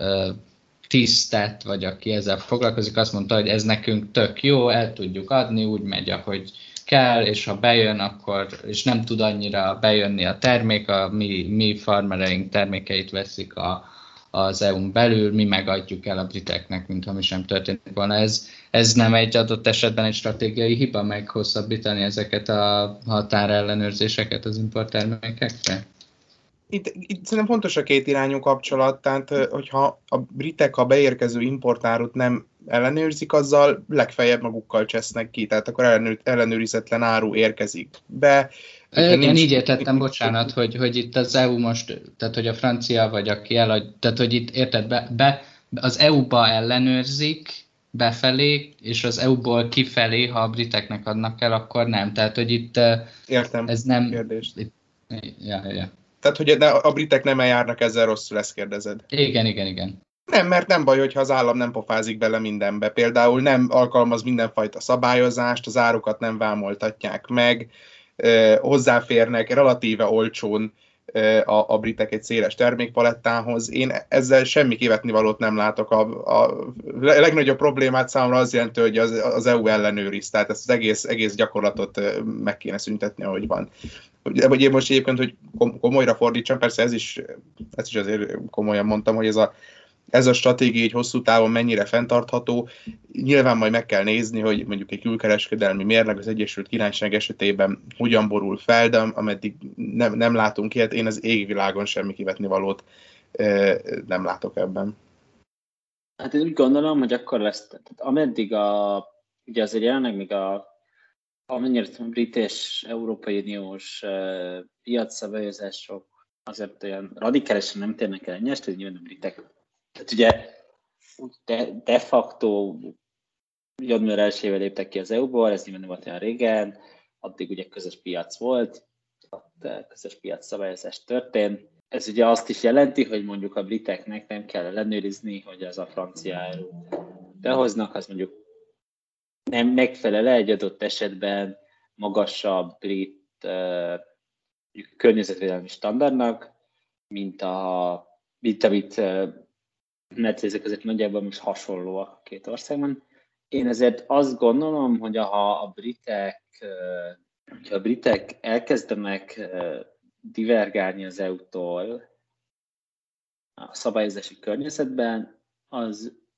mindkét oldalon növelni fogja arra, az arra annak az igényét, hogy jobban ellenőrizzék a vámhatárokat. Egyszerűen azért, mert ugye ellenőrizik el, hogy a ilyen szabályozásnak megfelelnek. Ez akkor lehet aszimmetrikus, hogyha alapvetően az történik, hogy a britek liberalizálják a piacukat, tehát hogy eltörölnek olyan alacsony, most ez csúnya, ez persze Egon le fog színni, nem mondjam azt, alacsonyabb standard, de mondjuk alacsonyabb standardokat vezetnek be, vagy hogy kevésbé szabályozzák a piacot, tehát hogy van egy EU-ban nyilván most legyünk optimisták, hogy az EU-s szabályozásnak megfelelő terméket állít elő a francia élelmiszeripar, és hogy mondjuk alacsonyabb vagy kevésbé szabályozott, nem tudom, szabályozás van az, az Egyesült Királyságban, ez ugye automatikusan meg fognak felelni. Most, hogyha véletlenül a britek szigorúbb szabályozásokat vezetnek be valamire, és én egyébként ezt el tudom például képzelni, hogy hogy a nem mondjuk a környezeti szabályok simán a, talán nem is egy tori kormány alatt, mert a tori között nem arról nevezetesek, hogy a piac szabályozásnak a hívei lennének, de mondjuk, ha mondjuk 2024-ben egy munkáspárti kormány alakult, akkor ezt simán el tudom képzelni, hogy az a briteknél nagyon erős a, a, az ilyen Extinction Rebellion és hasonló mozgalmak, hogy a, míg ugye tudjuk, hogy Kelet-Európában a lengyel-magyar tengely az nagyjából erősen higítani szokta a környezetvédelmi szabályokat, amelyben nem ezt tudja, hogy a briteknél egy sokkal szigorúbb környezetvédelmi szabályozás persze simán életbe léphet, főleg egy munkáspárti kormány alatt. Ugye ebben az esetben már egyáltalán nem biztos, hogy EU-ból érkezett terjét hogy át, át tudnak engedni, mert hogy és akkor az, az növeli annak a nyomást, hogy, hogy vezessen a szigorú határán, és hogy tényleg olyan termékek érkezhessen az Egyesült Királyságban, amelyek az Egyesült Királyság eh, szabályozásainak megfelelnek. Ez szerintem,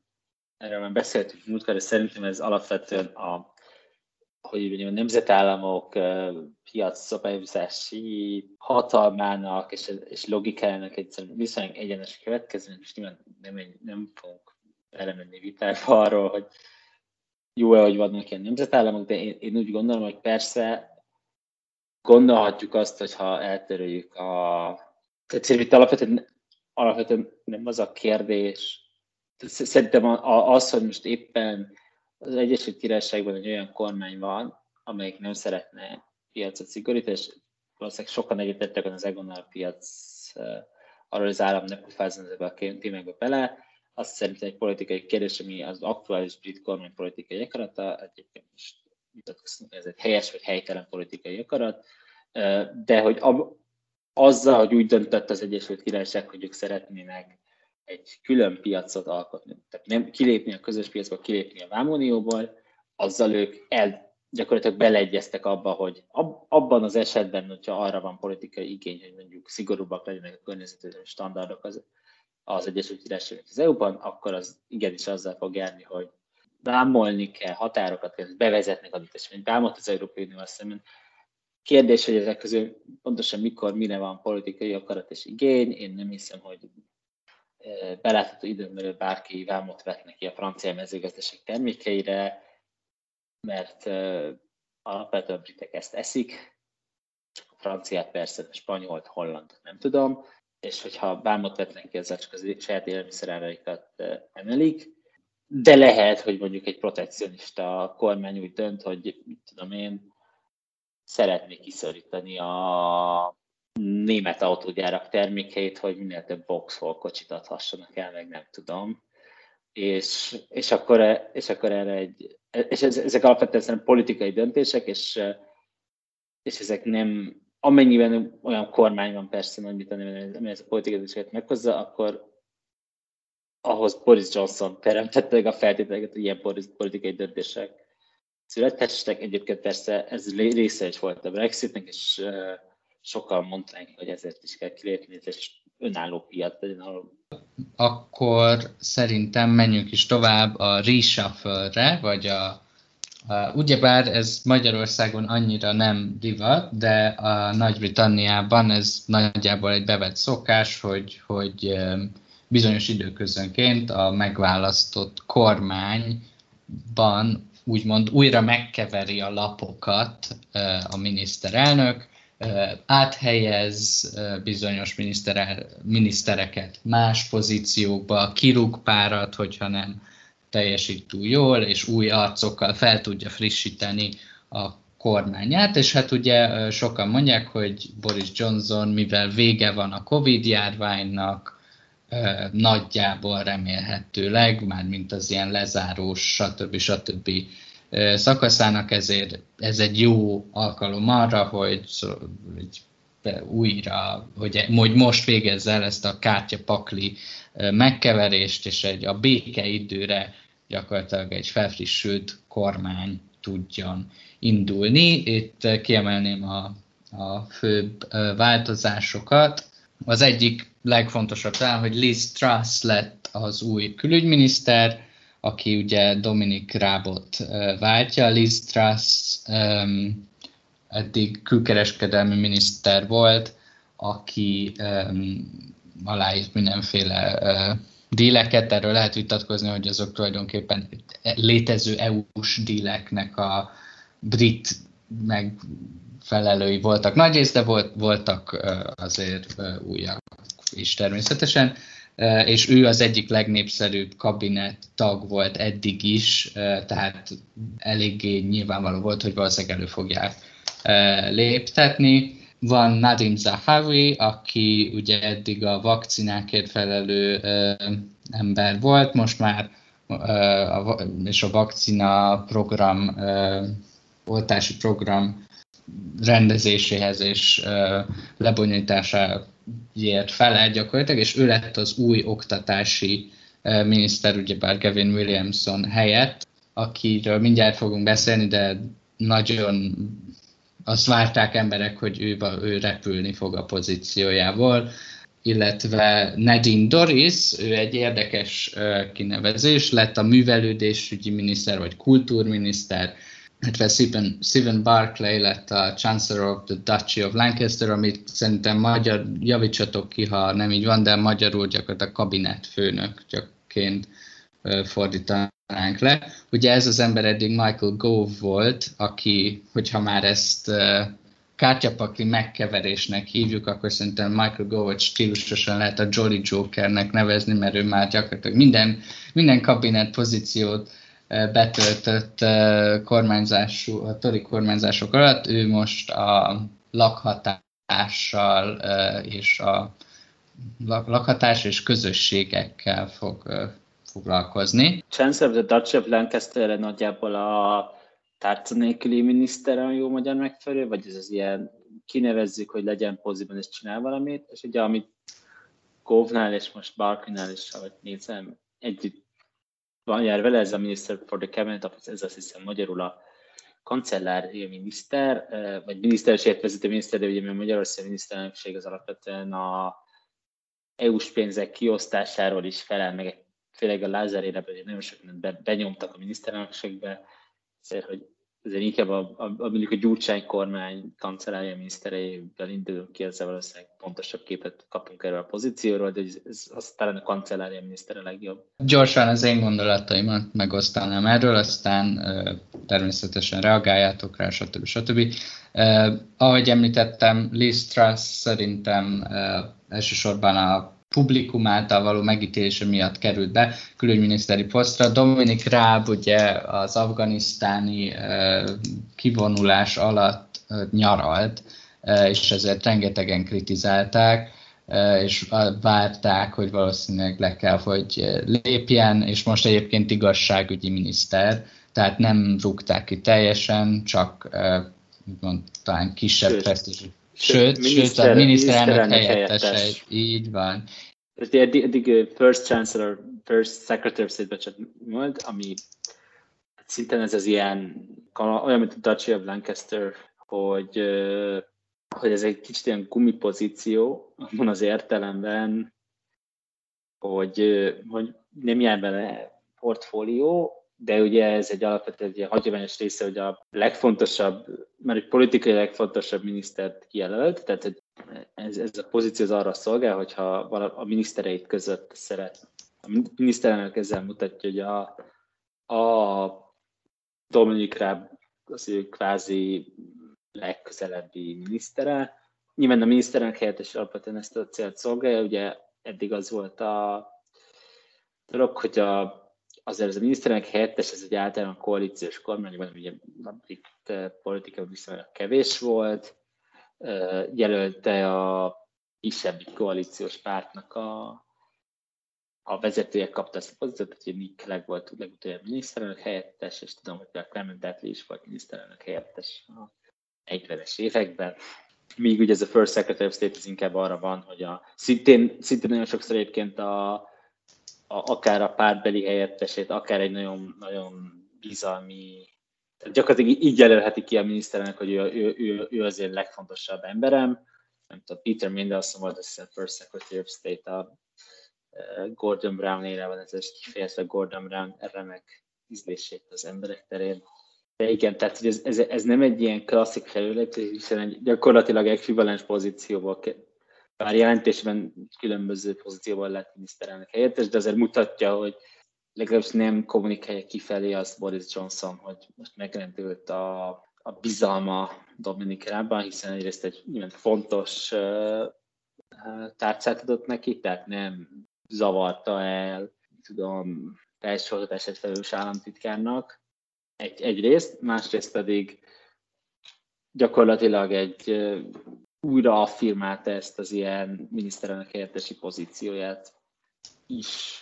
Amit én üdvözlök ebben az új kabinetben, az Nadim Zahavi. Szerintem ő, ő én amikor láttam nyilatkozni a vakcinák terén egy nagyon um,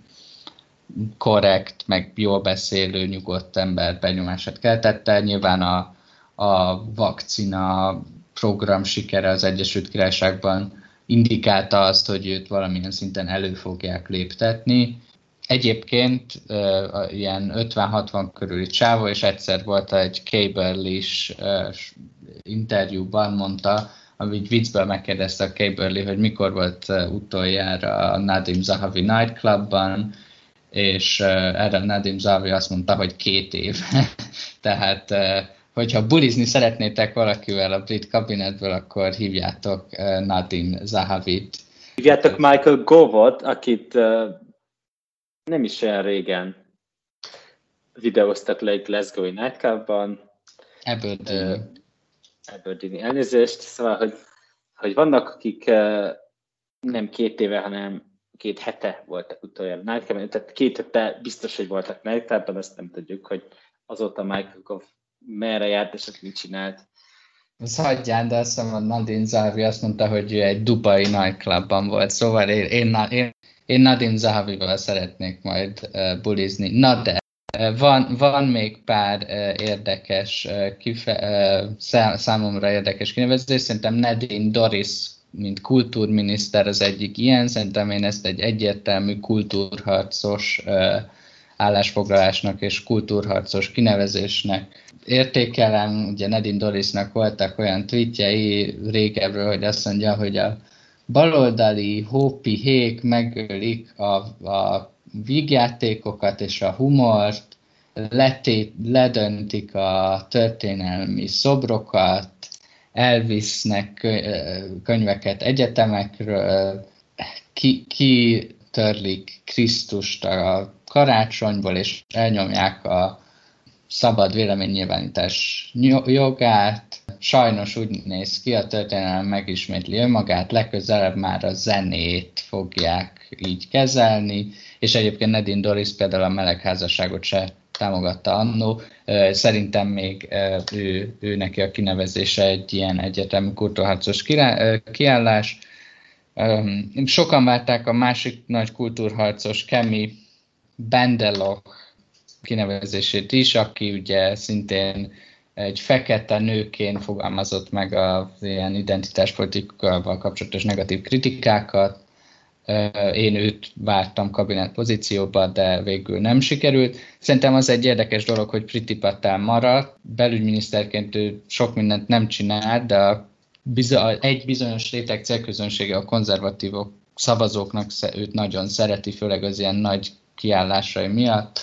az én kedvencemet, azt már említettem, vagy hát idézőjelben kedvenceket, hogy hullámgépet kell a, a tengerbe tenni, és akkor a, az elsodorja majd a migránsokat. És az ilyen, szerintem ő inkább egy, egy ilyen social media bemaradás volt, mint sem a teljesítménye miatt. Nyilván ugye a Nadim Zahavi oktatási miniszter lett Gavin Williamson-t váltva, Gavin Williamson ugye a érettségik közben tavaly egy ilyen borzalmas döntést hozott, hogy algoritmus alapján sors, adnak jegyeket a, a diákoknak, és így kerülnek majd be az egyetemre, és akkor természetesen pont az történt, amit mindenki várt ettől, hogy szegény iskolákból, vagy szegény helyekből, szegény helyen lévő iskolákból gyerekek rossz jegyet kaptak az algoritmus által, és a gazdag helyeken meg jót, de aztán természetesen ezt eh, korrigálták, csak ott már lehetett látni, hogy ez egy Kevin Williamsonnak nem sok eh, ideje maradt hátra az oktatási miniszterségből, nemrég meg azért röhögte ki mindenki, mert összekeverte, rá, egy, összekeverte Marcus Rashford focistát, illetve egy eh, rögbi játékost, aki vel annyi közös volt benne, hogy, hogy szintén fekete. Oké, okay, um, én nagyjából szerintem elmondtam mindent, amit gondolok. Erről Iván a Dominik Rábosat kifejtette, úgyhogy Egon, mit gondolsz erről az új kártya? Mi, hogy fog passziánszozni ezzel Boris Johnson? Sokat gondolkodtam, mikor készültem az adásra, hogy ezt a szakaszt hogyan tegyük érdekesség a, a hallgatóknak, ahelyett, hogy egy csomó nevet elsorolunk, aminek egy jelentős részét mi is mozguglisztuk ki, de arra hogy sehogy, tehát ez oltatlanul ilyen itt tényleg, ugye ilyenkor szeretünk, mert emberek vagyunk, ez úgy szokták mondani, hogy narratív falláció, amikor egymástól független eseményekben szeretünk valamilyen mintázatot látni, szerintem ez itt egy nagy hiba lenne, meg próbálunk politikai irányváltást kezelni, vagy, vagy, vagy, vagy belelátni a, a, a változtatásokba. Itt én amennyire látom, szintisztán adatok is kihozzák, hogy pusztán személyi döntések születtek, azok alap, vagy az alapján bocsátottak el, vagy hoztak be minisztereket, vagy, vagy helyeztek át hogy mennyire, mekkora volt a népszerűségük, és ez különösen igaz párton belül. Amik voltak, ugye felírtam magam, mint a Story magazinban szokott lenni, a hop meg a kop, tudjátok. Most én is így felírtam magamnak a, a listára, de már mindenkin végigmentetek aki kop lett, tehát akik lettek fokozva, vagy el lettek küldve, azok tényleg tök szabályosan a négy leg, leg, legkevésbé kedvelt, vagy legalacsonyabb népszerűségi indexen rendelkeztek a konzervatív párton belül, és akiket viszont előre vagy előre léptettek, azok pedig a legmagasabbal. Úgyhogy de én is elmondom a kedvencemet, ahogy ti elmondtátok, mert a részleteket már eléggé alaposan kitárgyaltátok. Én a Lisztrásznak a, a, a sikerének, meg erőléptetésének nagyon örülök. Ő még a Cameron érában indult el, akkor volt ilyen környezetvédelemért, meg vidék fejlesztésért felelős valami, nem egy,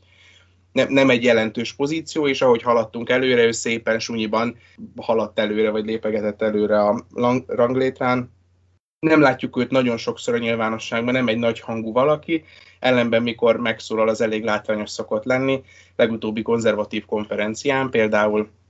jól kiosztotta a miniszter kollégáit, hogy ne kérjenek több pénzt a saját részlelőknek, mert hogyha ennyit költ az állam, akkor majd többet kell adóztatni, és engem ezzel már meg lehet nyerni. Úgyhogy van egy ilyen kis szecsörita beütése a Lisztrásznak, amit én, amit, én, amit én üdvözlök, és kedvelek benne. És nemzetközi kereskedelemügyi miniszterként, vagy nemzetközi kereskedelemügyi miniszterként szerintem ő, ő kimondottan sikeres volt,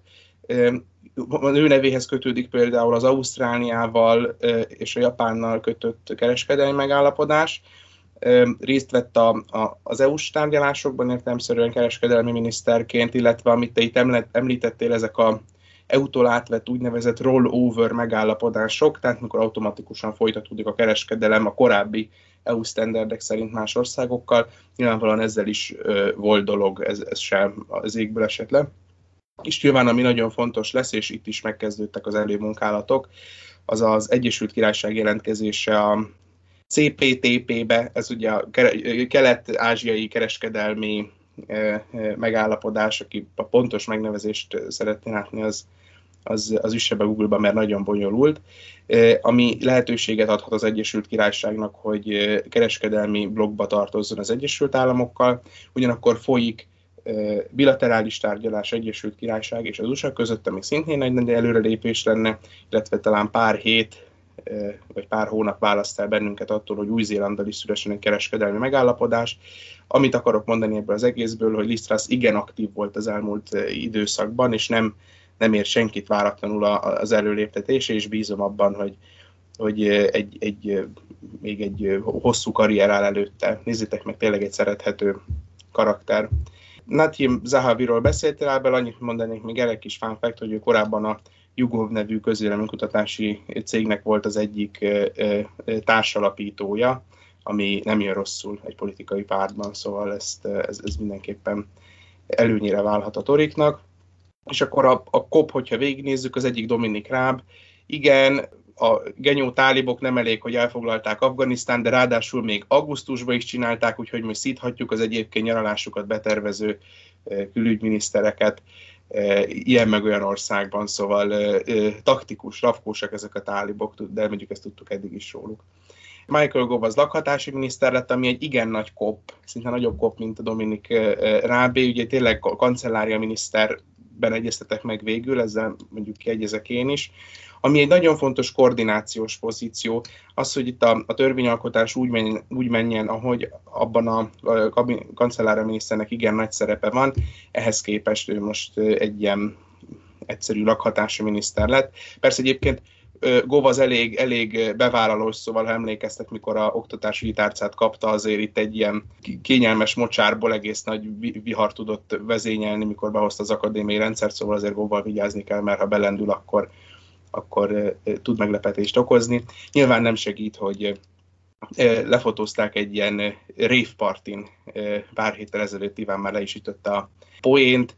ő most egy 20 sok éves házasságon van túl, úgyhogy őt ez a dolog most láthatóan megviselte. Vagy hát pont ellenkezőleg is ez manifestálódott abban a táncban, nézzétek meg, én is valami ilyesmit szoktam produkálni. És végezetül, akit még nem említettünk, aki szintén kop, az Amanda Milling, a konzervatív pártigazgató, tőle szoktam az e-maileket kapni. Nagyjából semmit sem tudok az ő távozásáról, azt sem tudom, hogy ezt mi motiválta, minden esetre egyszerűbb lett volna, ha csak úgy kirúgják, mert így viszont Ázsia ügyi miniszter lett, pontosabban államtitkár, nem miniszter, ami, ami egy kicsit rosszabb, mint hogyha kirúgnák az embert és elmenne dolgozni, úgyhogy, úgyhogy erről csak ennyit. Mondom, ebbe többet szerintem nem érdemes belelátni, és nagy, nagy politikai irányváltásra sem következhetünk ebből. Az biztos, hogy a Johnson kabinetnek ez a markáns jobboldali arculata nem sokat változott, tehát a markáns jobboldali karakterek ki nem kerültek, akik pedig jobb pozíciókba kerültek, azok sem jelentenek nagy felpuhulást. Egyetértek az elgonnal azzal, hogy nem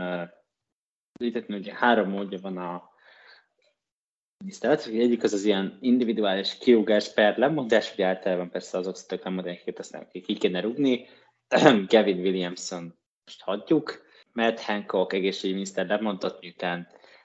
udorítós, márolos videók kerültek ki róla az internetre, helyette Szecsit Javid, ez egy nyilvánvaló eset. Ugye van az, amikor alapvetően azért válták, mert hogy valakiben vala, jobban bízik a miniszternek, valakiben megromlott a bizalma, valaki rosszul végzi a munkát. Tehát így egy ilyen nagyobb reshuffle, hogy X rosszul végzi a munkát, Y jól, és akkor behozza Y,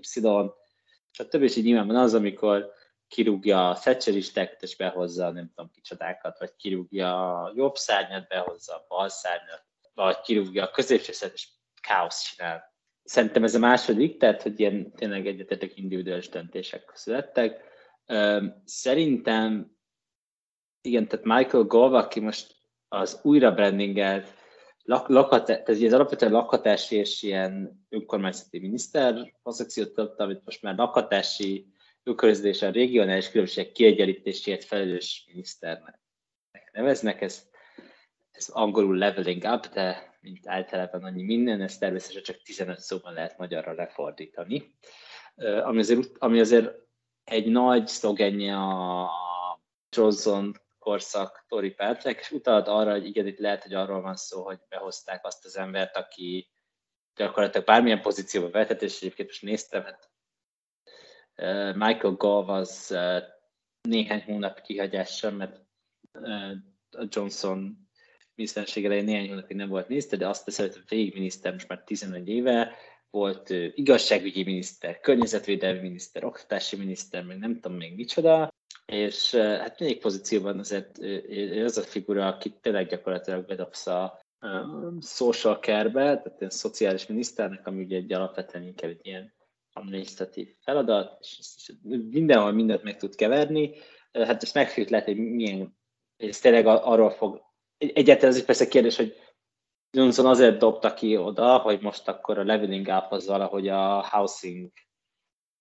ez, ez ugye önkormányzatok tartozik, és az önkormányzatoknak a lakhatásban teljesüljön ez a régiók közötti kiegyenlítődés, vagy csak tényleg ki akart rúgni, de adott neki egy ilyen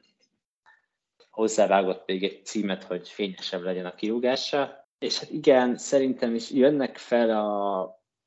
a nagy kultúrás Name Doris, ez mindenképpen érdekes. Lisztrász, azért ezt, ezt fontos vezetni, és ugye gyakorlatilag talán az utolsó ilyen igazi Thatcher itt a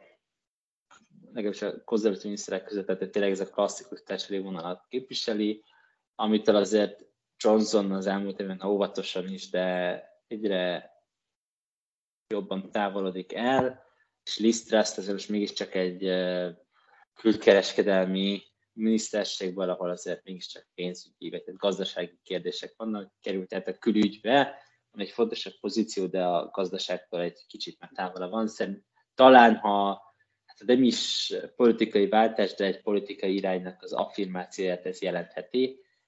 de, de inkább tényleg arról van szó, hogy egy, egy egyébként jól működő tori politikust egy magasabb pozícióba beraktak. Jó, igazából már csak egy blokkunk van, egy ilyen külpolitikai uh, blokk, ugye a nyár folyamán az egyetlen releváns történés, ami a britekhez, kap, britekhez is kapcsolódik, az ugye az afganisztáni kivonulás volt, ami hát um, azt hiszem az a konszenzus, hogy nem sikerült túl fényesen, így is lehet fogalmazni. Uh, nyilván itt ezer dimenziója van, el tudjuk mondani, hogy az amerikaiak most jól tették, hogy kivonultak, mit lehetett volna másképp csinálni. Én most szeretném, hogy kicsit a fókuszunk, mivel a Svájc podcast vagyunk, a britekre vetüljön. Alapvetően van egy olyan kritika, vagy felvetés, hogy itt lehetett volna, ha most a britek igazán nyomják ugye ezt a Global Britain, vagy globális Britannia um, szlogent, hogy itt lehetett volna az, hogy ugye az amerikaiak azt mondják, hogy kivonulnak, de itt lehetett volna esetleg a brit diplomácia ügyesebb, és meggyőzhette volna őket, hogy ne, vagy akár mondhatta volna azt a britek, hogy mi igenis ott fogunk tartani pár katonát, hogy a helyzetet stabilizáljuk, illetve ami még kritikának felszokott jönni, az Dominik Ráb szerepe, vagy akár az egész brit külügy szerepe az afgán segítők kimentésével kapcsolatban, hogy ez vajon olyan gyorsan történt meg, és olyan hatásfokon, ahogy az maximálisan lehetette volna. E, ez, erről mik a gondolataitok? Az a nehéz, hogy az elmúlt hetekben elég sokat foglalkoztunk ezzel, és tényleg nehéz lehámozni, hogy, hogy mi is tartozik a szűk brit fókuszba. Vagy kicsit átnézve a történetet tényleg csak nagy vonalakban. 2001-ben bevonul az Egyesült Királyság a koalíció tagjaként, aktiválják a ominózus NATO cikkeit, az Egyesült Államokat támadás ér, és ekkor Tony Blair csatlakozva a koalícióhoz részt vesz a, a, a afganisztáni invázióban. 2006-tól a brit kontingens az külön megbizatást kap a déli Helmand tartománynak a stabilizálását, ez egy kiemelt brit feladat lett, és 2014-ben gyakorlatilag megvalósul a kivonulás, tehát akkor a brit katonáknak a nagy része távozik Afganisztánból, és ez alatt a, a 13 év alatt közel 500 halálos áldozata volt, brit halálos áldozata volt az afganisztáni missziónak, és nagyjából 25 milliárd fontot költöttek rá, csak hogy a számokat nagyjából be tudjuk lőni. Ez kevesebb, mint amennyi adott most a Boris Johnson egyébként emelni szeretne. Szóval azt kell látni szerintem itt az elmúlt 13 évről, hogy a britek itt mindenképpen egy másodhegedűsök voltak, a operatív dolgok tekintetében szintén. Az Egyesült Államok hírhetten nem nagyon koordinált, nem nagyon egyeztetett a, a, a szövetségesek, és ez egészen az utolsó pillanatig így volt. A Biden-t is megnézitek a, a, az alsóházi közvetítés, rengeteg kritika érte a kivonulás leszervezése miatt, hogy előzetesen mennyire értesítették a, a, a NATO szövetségeseket. Én nem gondolom azt, hogy, hogy itt a, a brit diplomáciának túlságosan nagy mozgástere lett volna, erőforrások tekintetében sem, tehát mind emberállomány tekintve rengeteg embert kellett volna Afganisztánba küldeni ismételten ahhoz, hogy bármifajta missziót ők fent tudjanak tartani, és anyagiak tekintetében sem, hát ha belegondolunk, oké, okay, hogy a, a brit anyagi áldozatok azok 25 milliárd fontra rúgnak, de hát az Egyesült Államok meg nem csak az, az ember állomány tekintetében, de hát nyilván katonai felszerelés tekintve is az elmúlt 20 évben elköltött körülbelül 2000 milliárd dollár. Tehát nagyságrendileg sem összemérhető. Drága dolog ott tartani embereket, és ez nyilván egy nemzetközi koalícióban valósulhat meg. És politikailag sem túl kifizetődő azt mondani, hogy oké, okay, mi ott maradunk, bevállalunk, szembeszállunk a tálibokkal, bármi, még több brit életet áldozunk fel, és nyilván az Egyesült Államok is jól jár abból, hogy valami fajta ellenállást fenntartanak a tálibokkal szemben. Szóval én itt, ahogy az elmúlt húsz évben egyébként mindig a brit politika sodródott az amerikaival, és most nyilván nagy a kísértés, hogy belemenjünk az egész Afganisztán sztoriba, meg, meg, meg hogy ki, ez a kivonulás hogyan zajlott, Trumpot szídjuk, Biden szídjuk, mindkettőt szídjuk, git szídjunk, de ebbe most nem megyek bele, mert akkor dupla ilyen hosszú lesz az adás, hogy át is adom a szót. Igen, amúgy alapvetően egyetértek szerintem is figyelembe véve, hogy persze legkevésbé sem értek a katonai kérdésekhez, de nekem sem tudjuk reálistak szerintem de én nem értem, hogy briteknek nem igazán lenne katonai ereje fenntartani egy ilyen afganisztáni missziót, mert egy olyan afganisztáni missziót, ami kiváltatja az amerikait. Abszolút egyetek Zegonnal, nyilván, ahogy egyébként a francia, német, magyar hadvezetés, úgy a brit hadvezetés se tudott nagyon más csinálni, mint hogy a maradék katonákat is hazahozzák Afganisztán, Afganisztánból. A brit kivonulás, az amerikai kivonulás hatás, Egon említette egyébként, mert korábban is nagy rész kivonultak Afganisztánból. Ugye Magyarországon is azért az utolsó hónapokban már csak ilyen 5-6 10 katona volt, magyar honvéd volt Afganisztánban. Szóval szerintem nem, nem igazságos azt gondolni, hogy hogy a britek azok ott tudtak volna maradni, és mindent vágni Afganisztánban, ahol egyébként a brit birodalom csúcspontján se igazán tudtak sikeresek lenni katonailag. Emellett persze lehet kritizálni, hogy Dominik Ráb, mint ahogy Szijjártó Péter, lehet, hogy lefejezette volna korábban a nyaralását egy ilyen külpolitikai válság idején. Ezt egy jogos kritikának érzem, felvethető az, hogy mennyire vette ki a részét a brit Nagy-Britannia a menekültek befogadásából, és hogy ez elégséges-e. Nyilván fel lehet venni azt, hogy a brit kormány mennyire hagyta ott a ezért a brit kormány mégiscsak ezek különösebb ellenállás nélkül csatlakozott ehhez az, az amerikai kivonuláshoz, ami azért erősen a csávában hagyta a az Afganisztán, Afganisztán országot, az afgán, nem tudom, tálibokkal nem kompatibilis életmódot élni kívánó embereket, azokat az afgán, ugye briteket, amerikaiakat, magyarokat, nem tudom, nem tudom még kicsodákat segítették, és ezért életveszélyben vannak. Tehát, hogy én úgy gondolom, hogy ezek jogos kritikák, hogy de nem, nem tartom reálistak, hogy az Egyesült Királyság valaha, tehát valaha lehet, de hogy 2021-ben képes legyen gyakorlatilag egy, egy személyben tartani Afganisztán tálibakkal szemben, és egyébként, ahogy ezt tényleg mondta, szerintem abszolút igaza van, ennek ez egy politikai realitás is lenne, tehát azért, azért ezeket a világ túlfelén tartott háborúkat, ezeket nem szokás szeretni, a Blair kormányok is elég, és elég rosszul jött ki az iraki háborúból. Szerintem a Johnson kormány jött volna politikailag jól az afganisztáni háborúból. Jó, én itt elsősorban a rábba mennék vele, bele, ugye inkább az előző blogban utaltál Rágon, hogy te annyira nem tartod hibásnak, lehet, hogy félreértettelek, de hogy, hogy lehet, hogy nem, nem problematizáltad annyira a, rá afganisztáni kivonulás alatti tevékenységét, vagy nem tevékenységét. Én ebbe, én ebbe beleállok, aki véletlenül követ engem a Twitteren, azt tudta, hogy ezt a magyar részről, amit a Szijjártó Péter csinált, ami körülbelül ugyanaz volt, amit a Dominik Ráb csinál, hogy egész egyszerűen nem jön haza, amikor az elmúlt pár elmúlt évtized legnagyobb külpolitikai krízise forog fenn, nem jön haza a nyaralásából, ilyen nincs, ez felháborító, ez a külügyminiszteri posztnak a totra való totális alkalmatlanságot jelenti, ez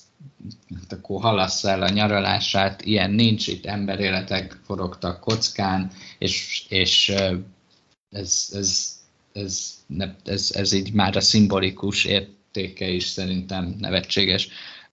A, ez, ez a ráb része, hogy maradhatta volna nyilv, Afganisztánban egyedül britek, nyilván ezt jól elmondhatok, hogy ez egyedül, ez egyáltalán nem reális. Az szerintem egy érdekes dolog, én itt ugye Rory Stewartra támaszkodom, aki, aki egy konzervatív képviselő, amikor Boris Johnson indult, ő is indult a konzervatív párt elnöke pozícióért, de természetesen nem nyert, és ő eléggé szenvedélyesen szokott beszélni Afganisztánról, mert diplomataként elég sok időt töltött ott, és ő problematizálta azt, hogy az amerikai jelenlét egy limitált jelenlét volt most már az utolsó években, és azt igazán meg lehetett volna tartani az amerikaiak részéről. Itt bele, én nekem az jut eszembe, eszembe esetleg egy ilyen ötlet foszlányként, hogy oké, okay, hogy egyedül a britek nem tudták volna megcsinálni, de, de ugye a franciák meg a németek is kritikusak voltak az amerikaiakkal kapcsolatban, és egy, szerintem egy párhuzamos valóságban, ahol épp nem haragította magára az Egyesült Királyság az összes európai szövetségesét, lehet, hogy egy ilyen koalíciós ottmaradás akár azzal, azzal a jelenléttel, amit az amerikaiak légi segítséggel, technikai segítséggel megtettek, lehet, hogy megoldható lett volna. Szerintem itt a brit külpolitikának ez egy, én nekem szerintem az egyik fő kritikám a Brexit-tel kapcsolatban az volt, vagy az külpolitikai dimenziói észrevételem az az volt, hogy ugye így, amikor a brit-amerikai viszonyról beszélünk, az,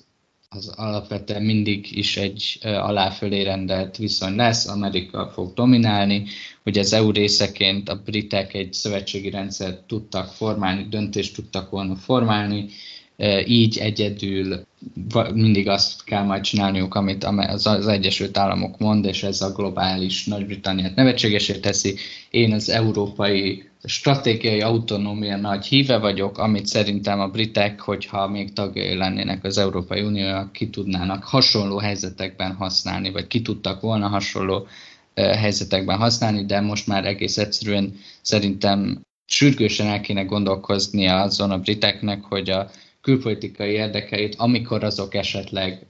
nem egyeznek meg az Egyesült Államokéval, vagy véleménykülönbség van az Egyesült Államok külpolitiká felé, azt hogy tudja érvényesíteni, mert szerintem sehogy vagy egyetértek veled alapvetően, Ábel, az előző körben inkább vicceskedni akartam, semmit bevédeni a rábot. Maximum azért nem problematizáltam, mert már nincs is ott, tehát így nem tudtam magam ezen túlságosan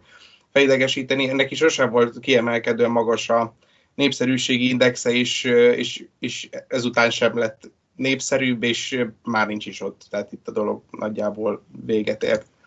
Um, Nyilván itt az Afganisztánnal kapcsolatban a fő kockázat, ami, ami felmerül a kivonulás kapcsán, hogy ismételten egy, egy terrorista fészekké válik ez a terület, és akkor nyilván lehet azt súlyozni, hogy, hogy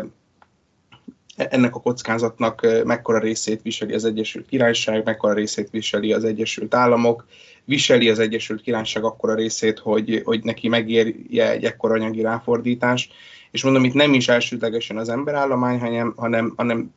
ténylegesen a, a, a katonai eszközöknek a, az ára, az anyagi ráfordítás az, ami egy, ami egy kimondottan nagy tétel, és aminek a jelentős részét, meghatározó többségét a, az Egyesült Államok viselte tulajdonképpen az emberi vagy katonai hozzájárulás, az, hogy ténylegesen katonákat küldenek a helyszínre, igazából ez, ez idővel egyre inkább egy ilyen szimbolikus hozzájárulássá változott, nyilvánvalóan az elején pedig meghatározó jelentőségű volt. Szóval kapizsgálom, hogy mit szeretnél mondani, stratégia, autonómia, ellentmondani az Egyesült Államoknak. Ez a kivonulás már elég régóta ért, nem, nem volt teljesen váratlan a, a sebessége, meg az, hogy ez ilyen gyorsan történt meg, az, az, az, az valóban sokkoló volt mindenkinek. És mivel gyanítom, hogy az utolsó kör még egy kis színes a végére, Tony Blair megszólalt a események kapcsán, és bedobta a nyilvánosságban, hogy az Európa biztonságát továbbra is leginkább a radikális iszlám fenyegeti, amit én, amit én azért mosolyogtam meg, mert az, az Egyesült Államokban, aki követi az amerikai politikát, ugye ez a fő fő ilyen tökös belállás abba, hogy az ember mennyire veszi komolyan, vagy mennyire jobboldali. Ugye, tehát a republikánusok mindig a trump az élen mindig kimondják, hogy radikális iszlám terrorizmus, a demokraták meg sosem mondják, kérem, hogy jaj, a terrorizmus rossz, az erőszak rossz.